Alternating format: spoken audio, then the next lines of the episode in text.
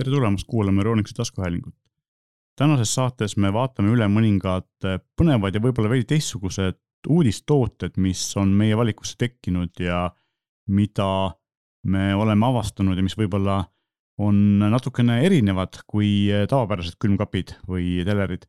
ja nendest ma olen kutsunud rääkima meie tehnikaeksperdi Kristjani, tere tulemast. tervist ja alustame võib-olla sellistest suvistest asjadest, et äh, nendel inimestel, kellel on kuskil maal suvila ja kus võib juhtuda, et on äh, kehvasti elektriga, näiteks on äh, äikesetormiga mõnikord jooksevad juhtmed maha või, või juhtub midagi muud sellist ja peab ootama, kuni see ära parandatakse, siis sellise asja jaoks on tänapäeval olemas sellised hästi võimsad akujaamad või nagu akupank, aga, aga siis akupank steroididel, eks ole, et hästi-hästi mm -hmm. suured. mina võrdleksin neid võib-olla natukene generaatoritega, aga siis vahe on selles, et kuigi nad on veidi kallimad kui tavaline gaas klassikaline generaator, siis vahe on selles, et esiteks ta on äh, loodussõbralikum, ta ei erita mingisuguseid äh, kahjulikke aineid välja, äh, siis heitmeid ja teiseks on see, et ta on vaikne, et ikkagi nagu akupank on akupank ja ta ei tee mitte mingisugust häält, generaator müriseb kohati päris kõvasti ja.... võib-olla me peaksime nendest arvudest rääkima, et. arvudest räägime ka, jah. mida, mida see tähendab, et, et ma vaatan pilti, näeb välja täitsa nagu selline ratastega, mis ta on, see autokülmik on ju, et päris, päris suur kohver Mm aga et ütleme, et kui vool ära läheb, et äh, kaua ma sealt saan äh, elektrit? sõltub nüüd sellest, mida sa tahad sellega teha, eks ole, et siin eh, kõige suurem neist eh,, selline ratastel järgi veetav ja väga raske on, äh, mis meenutab ka sellist päris korralikku generaatorit, on kolm tuhat kuussada vatt-tundi. mis tähendab seda, et kui teil on kolme tuhande, ehk kui te panete sinna nelja auguga pliidi, siis ta töötab eh, põhimõtteliselt tund aega, eks ole no.. kui, kui te panete sinna sellise tavalist kodus kasutatavad asjad, paar arvutit, mõned telefonid, võib-olla teleri näiteks külge, siis ta töötab ikkagi niimoodi noh, kakskümmend neli tundi. ehk siis, siis ööpäeva elab ära nii-öelda tavatingimustes, kui te just ei taha seal eh, toitu kuumutada, sest et toidu kuumutamine on kõige rohkem energiat võttev asi, eks ole. mingit arvutit või telefoni võib siis laadida ilmselt paar nädalat, et selles mõttes nagu pole probleemi, eks ole aga noh, sõltub jah sellest, kui palju uh -huh. asju, tarbivaid asju sa külge paned sinna, et see on nagu see kõige, kõige suurem ja kõige võimsam aga need ähm, ja muidugi noh, siis on ka see, et, et tal on olemas siis äh, neli tavalist kahesaja kolmekümne voldi pistikut. loomulikult terve hunnik USB-sid ja, ja muid selliseid asju ja minu teada saab ka laadida auto kaheteist voldi pealt, nii et võtab ka rohkem aega kui kahesaja kolmekümne voldi pealt laadimine. aga kui sul on olemas äh, näiteks äh, auto akus on veel voolu, aga mujal enam ei ole, saad ka sealt lasta. no see on väga huvitav, et vaata sa, sa võrdlesid seda generaatoriga või nagu mm -hmm. generaatori aseainega, et mul esimene mõte, mis tekkis sellise ülisuure akupangaga, et äh, minu teada vist ka sel aastal on olnud siin artikleid Eesti meedias, kus äh, inimesed, kes on oma maakodudesse paigaldanud päiksepaneele. Äh, ütleme nii, et kui paneeli paigaldus on käinud üsna valutult, siis võrgu võimsus või õigemini siis selle võrgu, võrku tagasi müümine on osutunud keeruliseks, kuna, kuna vastav liitumine ei pruugi maksta enam äh, isegi mitte paar tuhat eurot, vaid pakkumised on mitukümmend tuhat eurot olnud. et, et sellisel juhul ongi selle noh, ütleme, päike paistab, sul on seniidis, et, et selle asemel, et lasta siis elektri raisku, sa võid ta ju salvestada niisugusesse just ülisuurde akupanka. tegelikult eh, sellise korraliku nii-öelda päiksepaneeli süsteemi juurde peakski tegelikult kuuluma selline suur aku, tegelikult võib-olla veel suurem aku mm.. LG toodab selliseid, noh, Teslal on Powerwall, eks ole, siin meie kandis ma ei tea, kas Eestis ka keegi toodab, et äh, ma ei, mul ei ole aimu, mida nüüd Harju Elekter teeb või mõned sellised suuremad tegijad, eks ole, aga, aga tegelikult ühe iseseisva sellise päikse või tuuleenergiaga generaatoriga voolu tootva majapidamise juurde võiks kuuluda üks aku, mitte pank, vaid akusüsteem, mis salvestab seda, sest et öösel on ka vaja tarbida, eks. alati ei saa võib-olla selle peale jah loota, mida siis nii-öelda Elektrilevi või, või mis iganes. minu jaoks on see muidugi veidi arusaamatu praegu, kus meil on energiakriis ja igasugune lisaelektri tootmine võiks olla täiesti teretulnud, sest riigi poolt, noh, esimene asi, mis tuleks teha, tuleks ära kaotada need igasugused liitumistasud, et see on nagu kummaline, aga noh, mis me teha saame ei ole kahjuks jah, selle valdkonna nii, nii spetsialist, et kommenteerida. tegelikult see on ju loogiline, eks ole, et see aitaks äh, meie võrku parandada. aga jah, et, et selles mõttes ma olen täiesti kindel, et, et sellistesse, ei ole küll ise proovinud, aga sellistesse suurematesse akujaamadesse, mis ka meil müügil on saab selle päiksepatarei poolt toodetud energia suunata, eks ole, sest tegelikult nendel endal, nendel tootjatel, niisiis Ecoflow'l kui X-Stormil on, on mõlemal olemas ka päiksepatarei moodulid, mis nad külge käivad, et tegelikult ongi kohe mõeldud, eks ole, sellele peale, et sa saadki päiksepatarei pealt laadida, noh teine asi muidugi see, et, et need päiksepatareid, mis on siis nende tootjate enda poolt, ei ole nii suured, kui sul maja katusel oleb, eks ole, et see tagasitootmine võtab ikkagi omajagu aega, et kui sul on seal sajavatine päiksepaneel, siis noh, ta võtab mitu päeva, et see täis laadida, eks ole, aga samas ja, ja. kui sul muud võimalust ei ole, siis tegelikult see on nagu ideaalne lahendus. kui sul on juba pandud katusele või kuskile õue hunnik päiksepaneele, mis on kõvasti võimsamad, eks ole, siis noh, selle tal ilmselt laeb seesama väiksema, sellise akusüsteemi laeb täis mõne tunniga, eks ole no siis ta on sama nagu, eks ju, tarbida tavalist äh, nii-öelda siis äh, suure elektrijaama elektrit, et, et ei ole vahet, aga, aga no iseenesest sellise ratastel äh, hiigelaku, vähemalt minu jaoks on ta hiigel, kuna mu enda akupank on viis tuhat milliampertundi, mida ma kasutan, et äh, ta eelis on ju paindlikkus. Äh, kui sa teed korraliku sellise otsast lõpuni läbimõeldud päikese paneeli ja aku lahenduse, siis ta kindlasti on väga efektiivne. aga vot, kui nüüd suvi läbi saab, et siis noh, neid akusid sa ei hakka seina pealt maha kruvima ja näiteks oma siia linnakoju kaasa võtma, samas sellise ratastel panga võid vabalt no, see veeretada siia tagasi vahe ongi tegelikult selles, et selline katusel olevad päiksepaneelid ja siis sinna juurde käiv mingisugune permanentne suur salvestussüsteem on mõeldud ikkagi koju, kus sa ise permanentselt mm -hmm. elad, eks ole kui sa lähed suvilasse, siis tegelikult ongi mõistlik just selline kaasaskantav asi kaasa võtta, eks. Nendel aegadel, kui sa ise seal ei ole, kui sul seal mingit külmikut ei ole, mis pidevalt voolu vajab, siis tegelikult ei ole ju vahet, kas seal on kogu aeg see ühendus olemas või ei ole, eks ole, aga sel hetkel, kui sul tarvis on, meie suvi, eks ole, ongi teada ju, et, et just sel hetkel, kui sa tahad suvilas olla, tuleb see äikesetorm, eks. talvel seda väga tihti ei ole, eks.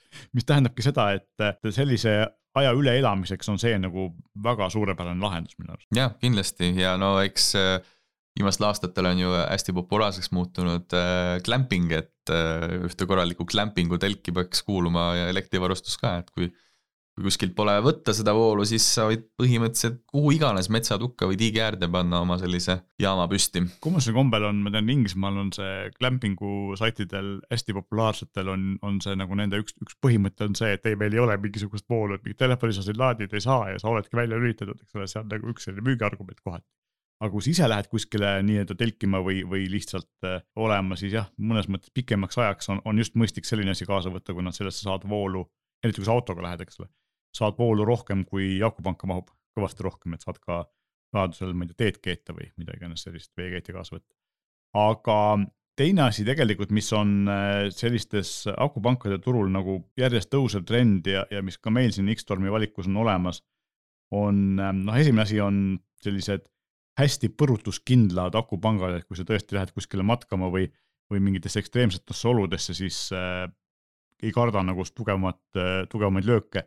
Ja teine asi, mis on nagu veel eriti oluline praegu on, on sellised standardse akupanga suurusega, aga kiire laadimisega ja hästi võimsad akupangad, et kui tavaliselt me oleme harjunud akupangaga saab laadida telefoni ja tahvlit ja võib-olla kõrvaklappe, siis nendega saab laadida noh, sada kolmkümmend vatti akupangaga saad laadida kõige-kõige võimsamat arvutit, eks ole, et kuigi tal ei ole ilmselt küljes küll äh, selliseid mingeid äh, suuremaid pistikuid, aga on olemas siis äh, USB-C ja tänapäeval noh, rõhuv enamus arvutid on juba USB-C-ga, vahet pole, kas see on Mac või see on Windowsiga arvuti.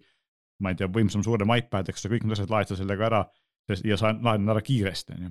ja kaks tuhat seitsesada milliamper tundi on nagu piisavalt suur kogus, et sellega sa saad laadida keskmist arvutit ka mitu korda, nii et telefonidest rääkimata on ju, või võid laadida mitut asja korraga ja, ja veel üks selline põnev toode tegelikult X-Stormi valikus on siis sarnane asi ja kui me just rääkisime, et pole pistikut küljes, siis sellel on tavaline kahesaja kolmekümne voldi pistik küljes, mis annab välja seitsekümmend äh, vatti ehk laeb ka tegelikult arvuteid ja asju väga ilusti, toidab ka ära näiteks teleri, kuidagi ei toida ära nii-öelda kuumutavaid asju, eks veekeetjaid või pliite. aga, ja temal on kuuskümmend üheksa vatt-tundi ehk siis äh, põhimõtteliselt ongi nii, et sellise rohkem tarbivat asja saad sa kasutada seal umbes tund aega, ehk siis ütleme, poolteist tundi kestab MacBook Air sul selle pealt. ja poolteist tunniga vist MacBook Air laeb ennast täis ka, nii et, et saadki ühe korra oma arvuti täis laadida sellega. kui sul ei ole või kui sul on mingi selline arvuti, eks ole, millel ei ole klassikalist või uuemat USB-C pesa, eh, siis MacBook Airil muidugi on, eks ole, siis äh, saad sa laadida ka neid mis käivad siis tavalise. jah, aga tal on, eks ju, USB-C väljund on ka olemas. loomulikult jah, sa saad laadida ka. kui Maci laadida, siis Just. ilmselt mõistlikum oleks sellega Just. seda teha, on ju, ta läheb küll aeglaselt, aga, aga ta läheb küll, et olen ise ka proovinud. minu arust ütleme nii, et komplektis on ka äkki paneb Apple kaasa üheksakümne kuue vatise laadi ja siis ka neljakümne viiesega ilusti laeb ära lihtsalt noh. Sõltub jah, mis sa teed ka selle arvutiga, et kui sa ikkagi äh, piinad teda ja siin äh, salvestad mingisugust kaheksa K videot samal ajal kui laed, noh siis ilmselt see laadimine on väga pikk tegevus, aga kui paned klapi kinni ja juhtme taha, siis väga edukalt laeb ära. lihtsalt nagu selle, selle jah, akupanga eripäraks on see, et mina pole varem näinud sellist, et selline piisavalt pisike akupank, selline kubiku või ristkülgkujuline, millel on siis tavaline voolupistik küljes. minu arust ta näeb välja nagu väga levinud on ju need autoinverterid. ma algul vaatasingi, et, et, et inverter, aga siis tegelikult on, näed e-poes kirjas, et täitsa aku on sisse ehitatud, et äh, väga huvitav toode. on et, et selles mõttes no X-Stormi asjad on veel eriti, nad on sellised eriti, eriti tugevad, eriti äh, raged välimusega ja, ja plasti-, no sellise tugevdustega igal pool ümber, et nad kestavad väga-väga hästi ka ekstreemsetes oludes. ja siis neile kõigile on võimalik juurde panna päiksepaneel, kaks varianti on, et üks on väike, mis siis äh, saab panna seesama pisikese akupanga kuskil aknalaua peal näiteks ja lasta seal laadida ja teine on siis selline suurem sajavatine, mis laeb äh, ka noh, veidi suuremaid äh, akupankasid kui, kui siis need pisikesed. nii et Ecoflow ja X-Storm. just, et äh, kui praegu veel suvi kestab ja augustis siis meil puhkused käivad, siis äh, kui lähete maakoju, siis võtke kaasa.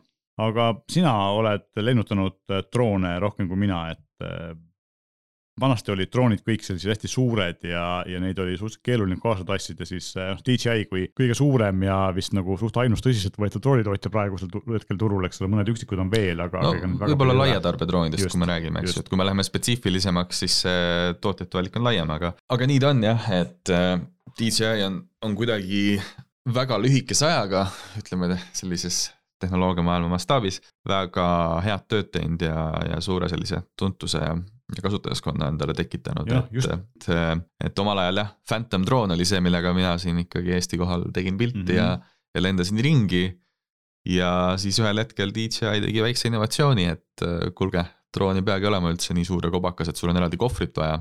just, ja nüüd on need DJI minid, eks ole, et praeguseks on olemas siis kolmas versioon ja need nagu mahuvad ikka põhimõtteliselt praktiliselt taskusse, et, et selles mõttes. põhimõtteliselt nagu küll jah. seljakotti kindlasti on ju ja, ja teeb, lendab ju päris hästi lendab päris kaua ja minu arust, mis on nagu DJI tugev külg või mida mina ei oleks osanud oodata, on see, et nad on, teevad väga häid kaameraid sinna külge, et. Äh, no neil on koostöö Hasselbladiga, eks ju. et, et nad on jah suutnud nagu ära võluda Saksa suure kaameratootja, kelle kaamerad käisid kuu peal, eks mm. -hmm. ja, ja nüüd on nad siis nii kaugele jõudnud, et nad on suutnud panna väga hea kaamera väga väikse drooni külge ja, ja teevad sellega põhimõtteliselt ega see mini ei tee kehvemat pilti kui Phantom, nii et lihtsalt äh, kuna akud on väiksemad, siis nad lendavad natuke lühi, lühemat aega. aga selle vastu aitab see, et on olemas see Fly More Back ehk lisavarustuse komplekt, kus on olemas äh, kolm akut ja eraldi laadijad, nii et, et saab nagu korraks ta kätte võtta ja aku ära vahetada ja uuesti lendu saata. ja noh, tegelikult teades, kuidas me drooni kasutame, siis ega me tegelikult äh, nagu väga pikalt järjest ei filmigi, eks ole, aga aga äge on just see, et need ähm, droonide suurus on läinud kõvasti väiksemaks, aga kvaliteet on jäänud nagu sarnaseks, et, et selles mõttes on, on äh, lahe ja, ja praegu on nagu olemas kaks äh, versiooni sellest Mini kolmest, siis Mini kolm ja Mini kolm Pro. Ja Prol on äh, lisaks siis ka natukene selline edasijõudnum või parem pult, eks ole, kus on nagu. no ikka ägedam pult, ekraan on sisse ehitatud et, et sa ei pea panema, muidu sa saad panna telefonipuldi külge, eks ole, ja vaadata sealt, kuidas, aga seal sa ei pea siis telefoni külge panema, vaid. vaid saad sa, vaadata otse puldi pealt, mis toimub. eks ta jah, sihuke mugavuse asi ei ole, aga samas ju see ka maksab midagi. ja ma võin öelda, et äh, küllalt ebamugav on, kui lendamise ajal näiteks tuleb sul telefonikõne sisse, et siis noh. Pead seal natukene jamama, et võib-olla rikub mingi ilusa kaadri just ära, mida sa üritad üles võtta. Aga tõsi ta on ja, ja mis selle Mini kolm Prol on minu meelest jube kihvt, on, äh, on siis see kaamera stabilisaator, et temaga on võimalik üksjagu kraadide võrra ka ülespoole piiluda, noh tavaline on siis see, et kaamera vaatab otse ja sa saad täitsa alla ta keerata, aga see, et sa saad ülesse võtta, on äh, hästi nagu kasulik omadus. Ja teine omadus on ju see, et ta suudab äh, füüsiliselt keerata külili seda kaamera. ehk siis äh, sa võtadki seda nii-öelda vertical videot, mida on super hea postitada, no story desse on ju, et äh, teadupärast telefonis täna nagu keegi videot ei tarbi külili enam, et kui see pole just mingisugune super hea produktsioon või, või mingisugune film, on ju. et kui me räägime ikka sellisest, mina kutsun neid koduvideoteks et sõprade või, või, või mõjuisikute tehtud koduvideod, siis neid jah, on püstiselt hea tarbida. noh, see näitab ju seda, et DJI käib nii-öelda trendiga kaasas ja tuleb no, muidugi. vastu.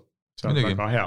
jah, et äh, kindlasti tuleb ära proovida, et äh, siis saame ka muljetada. ja need DJI äh, siis mini kolm droonid on mõlemad või noh, tähendab ongi tegelikult sama droon, aga erineva puldiga, et on äh, alla kahesaja viiekümne grammi, mis on see piir, kus äh, juhtimine läheb seaduse mõttes natukene keerulisemaks, et me siin ei jõua neid kõiki neid tingimusi ära tuua, aga need on Transpordiameti lehel olemas, neid tasub vaadata.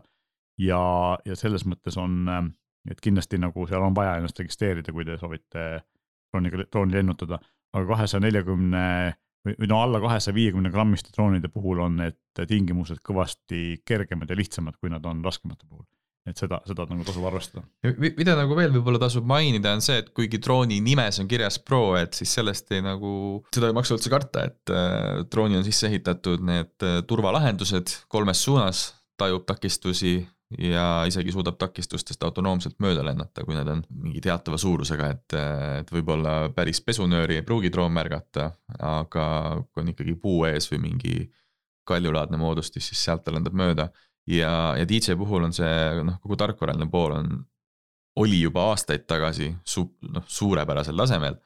ja julgen pakkuda, et ta on veel paremaks läinud selle uue drooniga, ehk siis põhimõtteliselt sa võid osta selle drooni oma esimeseks drooniks ja sa saad väga edukalt lennud tehtud, ta on rahulik, kõik on lihtne, arusaadav ja mida nagu aeg edasi läheb, seda siis vabamaks sa saad asja lasta, on ju, et saad võtta sealt need äh, algaja režiimi maha, saad teha äkilisemaks teda, et äh, täpselt nii, nagu sul endal vaja on, see, on noh, ka üks DJ tugevus, just see tarkvara pool. just, et äh, tegelikult ähm, ongi ju äh, ikkagi see drooniga filmimine on läinud nagu selliseks täiesti tavaliseks asjaks ja, ja minu arust nagu hästi hea on just see, et see DJ tarkvara ja see tarkus, et nad suudavad äh, takistusi vältida, sest et põhiline õnnetus, mis juhtub, on see, et droon sõidab kuskil vastu seina, eks ole, et lihtsalt ei, ei pidurdata piisaval hetkel ja ja see on neil ikkagi väga heaks läinud, nad suudavad neid üsna efektiivselt vältida, isegi siis, kui sa selle puldi peal ei jõua õigel hetkel reageerida, siis droon ise teeb selle töö ära ja sa ei jää tast niisama lihtsalt ilma.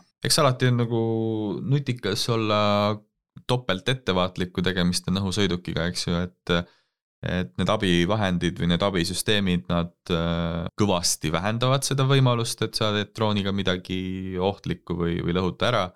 aga ei maksa nagu noh, kunagi ei maksa sada protsenti usaldada mingisuguseid äh, abivahendeid, on ju, et vahet pole, kas tegemist on drooni või, või tänapäevase sõiduautoga, et ikkagi kaine Just. mõistus ja, ja kerge selline alalhoidlikkus käib asja juurde. mis lihtsalt selle väikse drooni puhul veel eriti kihvt on minu meelest, et äh, et jah, sensor füüsiliselt on ju sama suur, kui oli Phantomil omal ajal. aga vaata Phantomiga on see jama, et kaua sa siin Eestis või noh, lähiümbruses neid äh, pilte, videoid teed, et äh, tegelikult reisil on üsna tülikas mingid kohvrid kaasa võtta. aga vot sellise Mini kolm Pro, noh, sa panedki selle oma käsipagasisse ja, ja kui oled kuskil reisil taskusse ja kus iganes võid teha, eks ju, neid äh, ägedaid kaadreid, et filmida sinist merd või, või mingeid mägesid, mida Eestis ei ole. et lihtsalt sellisel juhul kuhu iganes äh, sa peaks reisima, tasub neid kohalikke äh, lennureegleid lugeda, endale selgeks teha, et oleks ikkagi päris kehv kuskil rahvuspargi kohal teha keelatud videot ja siis pärast äh, ma ei kujutagi ette, missuguste meetmetega. jah, siin on kaks asja, et üks asi on see, et hästi palju on just nagu selliseid erisusi, ehk siis erinevate vaatamisväärsuste kohal võib olla see lendamine keelatud, eks ole teine asi on see, mis on paremaks läinud äh, ja seda saab ka sealt Transpordiameti lehelt vaadata, on see, et on toimunud äh, selle seadusandluse ühtlustamine üle Euroopa Liidu, ehk siis nüüd ei ole enam, kui sa lähed Hispaaniasse või vaid Itaaliasse filmima, siis enamus, vaata üheksakümmend protsenti asjadest on samad igal pool, igal pool, mis on hea, eks ole. et sa ei pea enam igas riigis ja ka sa, ma saan aru, et see, see litsents, et kui sa registreerid ennast nagu droonijuhtijaks, mis ei ole keeruline, siis see kehtib Euroopa Liidu üleselt, et sa ei pea enam igas riigis seda eraldi tegema. ja selles mõttes on tehtud ikkagi nagu edusamme ka siin Euroopa tasemel, et kui sa kuskil Euroopa Liidust välja lähed, siis peab muidugi täpsemalt jälgima, mis need äh, seadused on, aga, aga Euroopa Liidu lehel, kuna meie oleme Euroopa Liidu liige, siis meil on see info kõik eesti keeles ka olemas, nii et ei ole nagu, ei ole nagu probleemi. aga, aga tasub jälgida jah, sest et kohati on see, et ma ei tea, Eiffeli torni kõrval ei tohi lennata ja nii edasi, et selliseid, selliseid asju ikkagi on, eks ole. Neid asju on veel, noh, erinevates rahvusparkides ja kuskil sellistes kohtades on on see, võib see olla keelatud. ja noh, hästi palju on ka see, eks ole, et kui on äh, selline looduskaitseala seal on see, mille pealt tihti mõelda, et droon ikkagi teeb sellist pininat ja siis ta võib häirida linde ja loomi ja siis võib olla keelatud. no Eestis on ju Läänemaa, et kus on äh, Matsalu lahe kandis on ju linnud rändavad igal aastal, et, et seal kindlasti ei ole nüüd nagu mõistlik minna tegema neid aerokaadreid.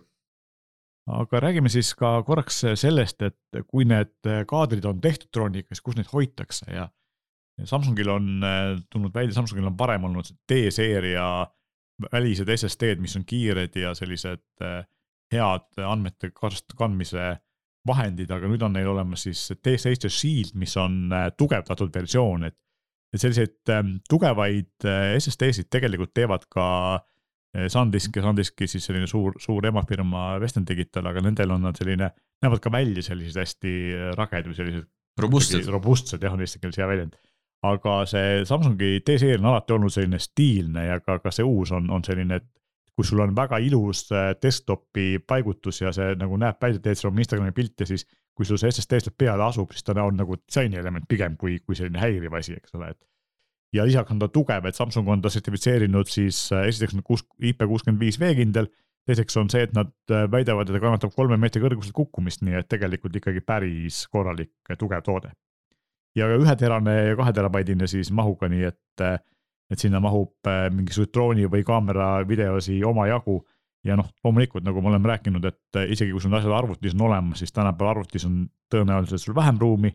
kuskil pilvehoidlas on ka vähem ruumi, et, et selline tagavara koht, kus oma andmeid hoida, on tegelikult alati kasulik ja Samsungil on alati olemas ka krüpteerimistarkvara, et kui tõesti on väline ketas, mida sa kaasa tassid ja võib-olla juhtub, et ära kaob, siis saad ta ikkagi parooli alla panna, nii et keegi sinna teine ligi ei saa, eks ole.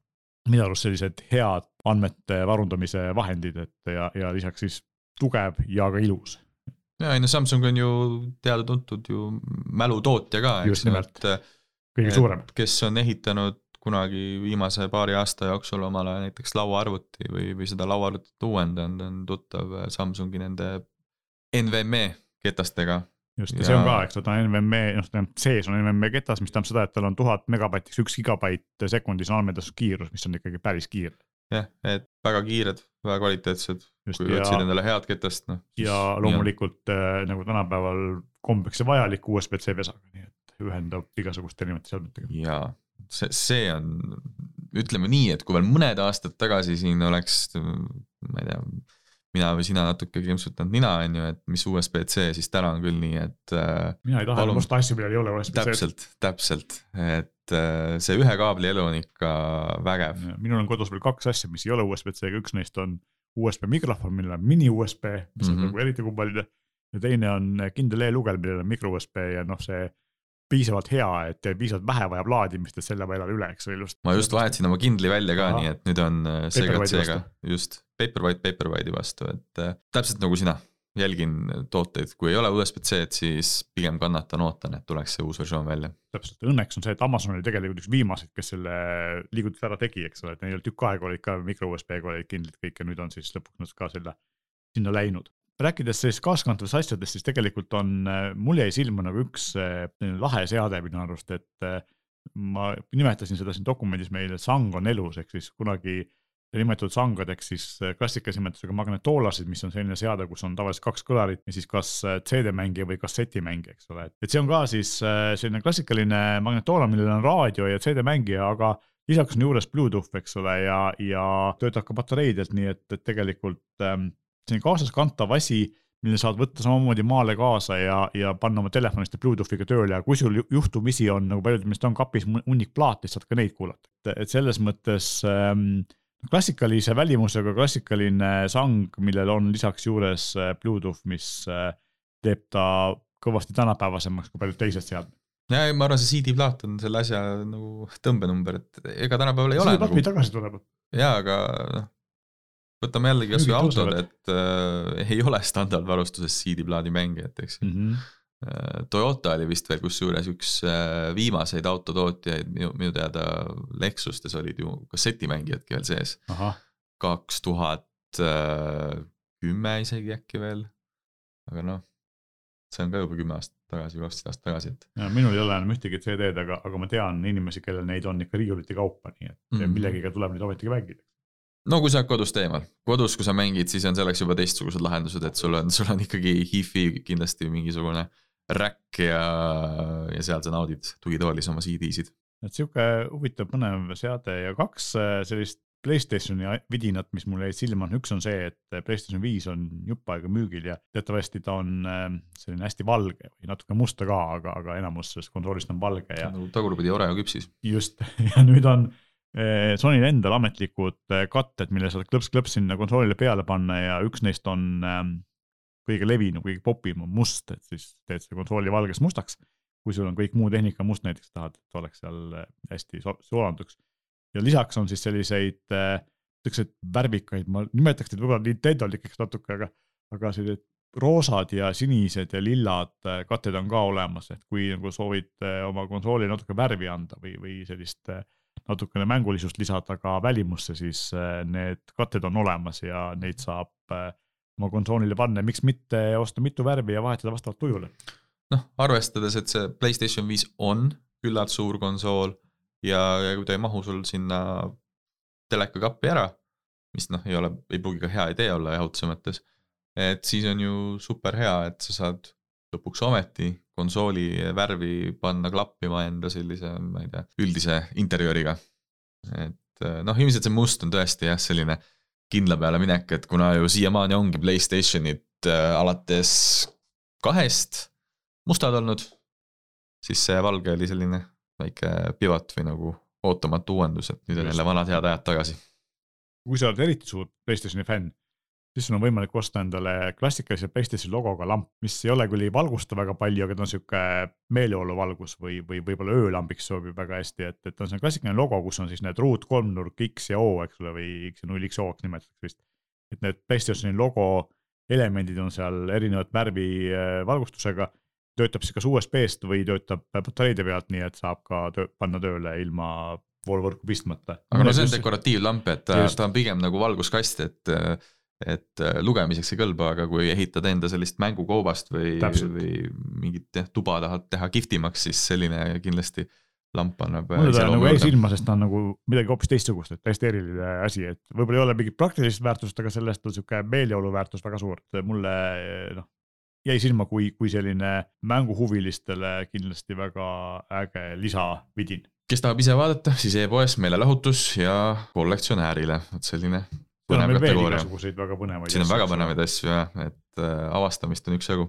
just. ja minu, mina avastasin äh, sellise asja, et üle tüki aja on meil jällegi valikus äh, OnePlusi telefonid, kui praegu käib nagu selline natukene nagu kurb stsenaarium, kus neid telefonitootjaid läheb järjest vähemaks ja see elu ei ole võib-olla nii põnev, kui ta vanasti oli, et meil on Apple ja Samsung, kes natukene on teisi ka.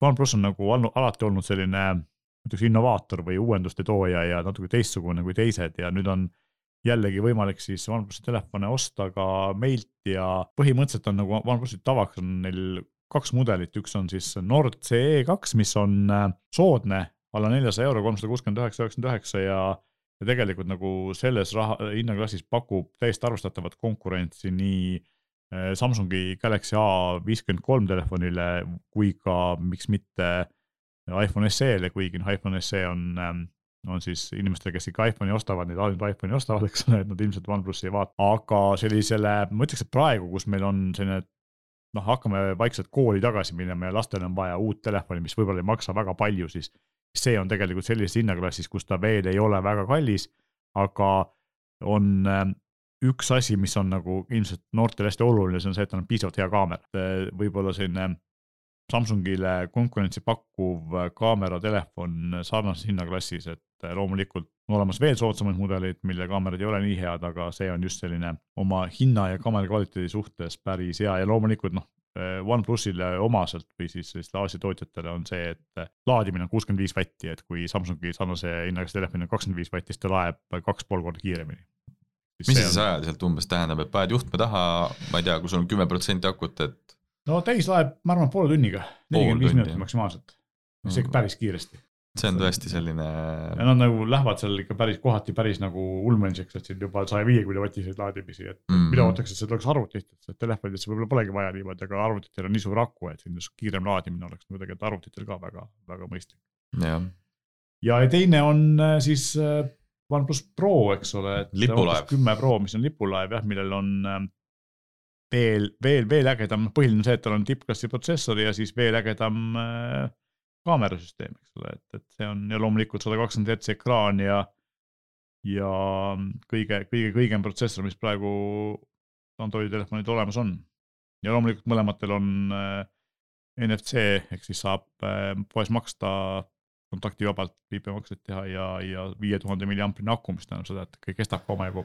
Ma küsin selle koha pealt, et kes on võib-olla siis nagu rongi pealt või ree pealt äh, tükk aega maas olnud ja mäletab OnePlusi aegadest, kui telefonid OnePlus One, OnePlus Two, et kas see legendaarne liugur lüliti on nüüd OnePlusil ikka Nendel veel on. Nendel veel on. kohe-kohe peaks tulema uus mudel kümme T ja sellel enam ei ole. mis näitabki seda, et tegelikult see OnePlusi emafirma Oppo, millega nad nüüd üritavad nagu seda sünergiat leida, ehk siis teha nagu sarnaseid tooteid, et kulusid vähendada ilmselt. see on üks nagu selle kulude vähendamise ohver on see lüliti, mis tegelikult kõigile väga meeldis, sest et ainukesed telefon, milles oli, oli iPhone ja OnePlus, eks jah, et saad hästi kiiresti panna telefoni hääletu režiimi peale või siis helina peale, see oli tegelikult kolm asendit vist, kui ma ei eksi. jah. iPhone on kaks, on ju. kas see on niimoodi, et vaikimine, värin ja, ja., ja siis heli, eks ole, niimoodi ja noh, sellel on veel eriti, kui me rääkisime just laadimisest, sellel on kaheksakümne vatine juhtmega laadimine ja viiekümne vatine juhtme vaba laadimine, mis on nagu uskumatult kiire. aga siin on muidugi see nüanss, et eh, see viiekümne vatine laadimine töötab ainult siis, kui sul on OnePlusi või Oppo enda laadija, eks ole, kui sa ostad kellegi teise laadija, Apple'i laadija, Samsungi laadija või või Belkini või kellegi kolmanda, siis eh, laeb ta noh kümme-viisteist vatti, et ta laeb ikkagi juhtmevabalt, aga lihtsalt aeglasemalt. Ja täpselt sama lugu on ka siis selle juhtmega laadijaga, et ta toetab küll seda USB-C power delivery't, mis laeb, ma ei tea, kui kiiresti seda telefoni, aga ma arvan, pakun, et kuskil seal kolmekümne, neljakümne vatiga, eks ole, et umbes poole aeglasemalt kui selle originaallaadijaga. kaheksakümne jaoks on ikka mingit eritrikki vaja siis. no on oma laadija, ma eeldan, et just, et seal on äh, need, see laadija ja, ja siis äh, telefon ise on täpselt nagu kuidagi, kuidagi nad on kokku pandud niimoodi, et nad tunnevad üksteist ära ja siis see laadimine toimub kiiresti. noh, jah, eks see on nagu ohutuse huvides ka, et äh, see on ikkagi päris muljetavaldavad äh, numbrid, et äh, ei saa võib-olla iga täitsa suvalise juhtmega seda voolu siin sisse lasta. just, ja noh, kui me siin telefonist räägime, siis telefonide juurde me võiksime võib-olla rääkida kiirelt ka sellest, et me oleme siin rääkinud varem Indrekuga mitu korda tegelikult, mis on toimumas Eesti 5G maastikul. nüüd on siis esimene konkurss on läbi, ehk siis kolme tuhande kuuesaja megahertsi või sellise keskmise sageduse peal 5G load on välja jagatud ja see lõppes nagu üllatusega, üllatusena, et kui kolmele loale kandideeris neli operaatorit, mida varem pole Eestis kunagi juhtunud. neljas oli siis Leedu äh, Bite Telekom. siis äh, võis arvata, et see läheb nagu selliseks üsna põnevaks ja hinnad lähevad üsna kalliks, aga äh, kui esimeses kahes voorus, kus esimeses võitis Elisa ja teises Telia Byte osales, siis äh, kolmandas ta järsku enam ei osalenud ja mis tähendas seda, et Tele2 sai viimase litsentsi esimesel pakkumise päeva ja alghinnaga, mis on tegelikult mõnes mõttes konkurentsi mõttes huvitav, et kas Tele2 saab ka hakata paremaid hindu pakkuma, võib-olla 5G turgu kui teised. Või siis, või siis, või siis teine variant on see lihtsalt, et, et noh, nad saavad, kuna see käis kiiresti, kiiremini kui sest esimene ja teine konkurss mõlemad võtsid aega mingi kuu aega, et see esim-, kolmas lõppes ühe päevaga, siis nad saavad seda võrku arendama hakata ka väga kiiresti ja Tele2 on juba ka öelnud, et neil on nagu tegelikult äh, osa asju valmis ehitatud ja nii kui see äh, loa kinnitamise protsess on tehtud, nii nad hakkavad midagi avama, et hiljuti Tele2 tõstis tegelikult või tõstab nüüd siis äh, septembrist vist, kui ma ei mäleta, tavalise kaabliga püsiühenduse hindu. ja need 5G ühenduse hinnad on juba väga sarnased, et põreldes kohtades võib-olla ei olegi enam mõtet nagu kaablit toorata, eriti kui sa pead kuskile seda veel vedama, eriti eks seda kuskil ei ole veel. et tegelikult selle 5G üks eeliseid ongi see, et sa saad endale teistesse kohtadesse, kuhu kaabel ulatub päris kiire ja päris korralikult, no viiesaja megabitist püsiühendust üle õhu pole varem ju pakutud, nüüd 5G-ga mhm. nii Elisa kui Telia seda pakuvad, et see on ikkagi päris väle. ja ma arvan, et enamus inimesi sellest ju tegelikult ka piisab, et see ähm, hilistus natuke suurem või natuke aeglasem võib-olla, kui on kaabliga ühendus, aga, aga noh, kui me ei tee midagi spetsiifilist, ega me seda tegelikult ei märka jah, sest kahjuks see magistraalvõrk või operaatori neutraalne valguskaabel ju ikkagi ei jõua igasse külasse ja Just. talusse, et. seal on ka päris tihti see, et kui su, sinu lähedal on, siis sinu majani vedamine, et sa pead ikka ise kinni maksma ja, ja lõpuks nagu päris kalliks läheb, eks ole. jah, ja sa pead ikka üksjagu õnnega koos olema, et, et sulle tuleb see kiri, et palju õnne, me ehitame sinu piirkonda, eks ju, võrgu välja, et äh, aga... olen saanud seda rõõmu kogeda, aga ma tean, et paljud tuttavad, noh, ka siinsamas ju kuldse ringi valdades, eks ju Tallinnast me räägime siin kakskümmend kilomeetrit ja no ei ole jah, ei ole tulnud ka seda kaablit siiamaani, et. Telia on tegelikult ju öelnud nüüd oma selle 5G, no esimese asjana nad nii Telia kui Elisa tegidki siis 5G peale püsiühenduse, nad ei ole veel telefonidel, ei paku veel seda mm -hmm. uutel sagedustel. aga nad on mõlemad öelnud, et eriti Telia, et kuna nende kõige suurem 4G kasutusala ongi see Tallinna ja suurlinnade lähiümbrus, kus on mm -hmm. uus arendus, kuhu kaablid veel ei ulatu, siis äh, sinna hakatakse esimesena nagu pakkuma seda 5G ühendust ja ilmselt oodatakse ka, et siis need, kes praegu 4G peal on, võib-olla kiirema ühenduse peale üle lähevad, eks ole, et see võimalus on nüüd olemas. ja Harjumaal samamoodi siin Kose ja noh, Peeter on tegelikult Tallinna külje all, eks ole, aga teine asi ongi siis see, et kui me rääkisime maakodudest, siis äh, maakodudega ongi see, et äh, kohe sügisel nüüd, kus me Eesti riik on nagu tükk aega nagu 5G-ga natukene teistele riikidele jalgu jäänud, nüüd on hakanud hästi kiiresti liikuma ja on välja kuulutatud ka sügisel, eks ole, siis uue madalama sageduse konkurss mis äh, ma eeldan, et, et see käib sama kiiresti ja talveks on võib-olla, tahaks loota. ja talveks on võib-olla ka siis sellistes kohtades, mis asuvad kuskil mastidest kaugemal, eks ole mm, -hmm. ma ei tea, mitme kilomeetri kaugusel. on võimalik tegelikult 5G-d äh, just, kui me ennem rääkisime siin suvilatest ja sellistest kohtadest, siis sinna on nagu tegelikult. see kõrgema sageduse peal keeruline seda signaali saada, aga madalama peal küll ja. ja noh, sinna saab alati panna ka katusele sellise vähe suurema antenni, mis seda püüab, nii et, et selles mõttes ma ütleks, et äh, interneti tulevik oli üsna helge meil. jaa, lõpuks ometi, sest et sellest ju veskid jahvatasid ikka väga-väga pikalt, et äh, oli siin erinevaid põhjuseid, miks sageduste väljaandmisega läks oodatust rohkem aega. just, ja lõpetuseks võib-olla selline lihtsalt väike uudiskild on see, et kõvakettad ei ole mitte kadunud, kui me rääkisime SSD-dest ja nad on palju kiiremad, palju väiksemad, palju töökindlamad, siis kodus me ilmselt tavalist klassikalist pöölevat kõvaketast enam praktiliselt mitte keegi ei kasuta. Äh, väga, väga paljud meist ei kasuta, et meil on uued arvutid, millel on juba SSD sees ja me ei tahaks enam ilmselt seda. Kui me just ei. palju mänge, kellel on palju mänge nagu, mis võtab palju ruumi mm. arvutis koos, siis on teine ketas on tihti tavaline ketas, eks ole. ei, aga vaata varukoopiate jaoks igasugusteks on ju, et näiteks kui sul on vaja mingisugust äh, tõrkekindlust või redundancy't, et siis sul on kaks, ma ei tea, kaheksa terabaidist ketast on ju paralleelselt teevad tagavarakoopiaid su arvutist. ja, ja just sinna tegelikult kettad liiguvadki, et äh, igasugused pilveteenused, mida ka meie kasutame, kasutavad ikkagi ju suuri, suuri kõvakettaid ja, ja need ei ole mitte kadunud ja nad ongi liikunud sellistesse teenusepakkujate serveritesse ja ja seal nad lähevad järjest suuremaks, kui me siin rääkisime just kaheksa terabaidist ketastest, siis äh, Seagate toob järgmisel aastal välja kolmekümne terabaidis ja kaks tuhat kakskümmend viis lubatakse lausa kuuekümne terabaidist ketast, nii et äh, mahud lähevad ka päris müstiliseks. Ja kui sellega midagi juhtub, siis see taastamine on päris keeruline et, et kui nii jätkub, siis äh, arvud on tuttavad äh, ammustest aegadest, lihtsalt gigabaidid on asendunud terabaitidega. ehk siis äh, kõik on tuhat korda suurem. noh, nii on jah. et mahutab tuhat korda rohkem kui vanasti aga sellise põneva tõdevusega võtamegi sellekordse saate kokku ja järgmine kord meil on tegelikult veel päris palju uusi ägedaid tooteid, mida tutvustada, aga millest oskavad meie tootespetsialistid paremini rääkida ja nendega me järgmine kord uutest asjadest veelgi, veel kord räägimegi. meiega täname kuulamast ja loomulikult kordame üle, et kui te soovite meile anda teada, mida me võiksime siin saates rääkida või mida kajastada, siis palun kirjutage meile meie meiliaadress on saade.euroniks.ee ja loomulikult, kui te jätate oma kommentaarid meie Instagrami või Facebooki postituste alla, siis me loeme ka kõik need läbi ja võtame ka need arvesse. meie aga täname kuulamast veel kord. aitäh ja olge tublid.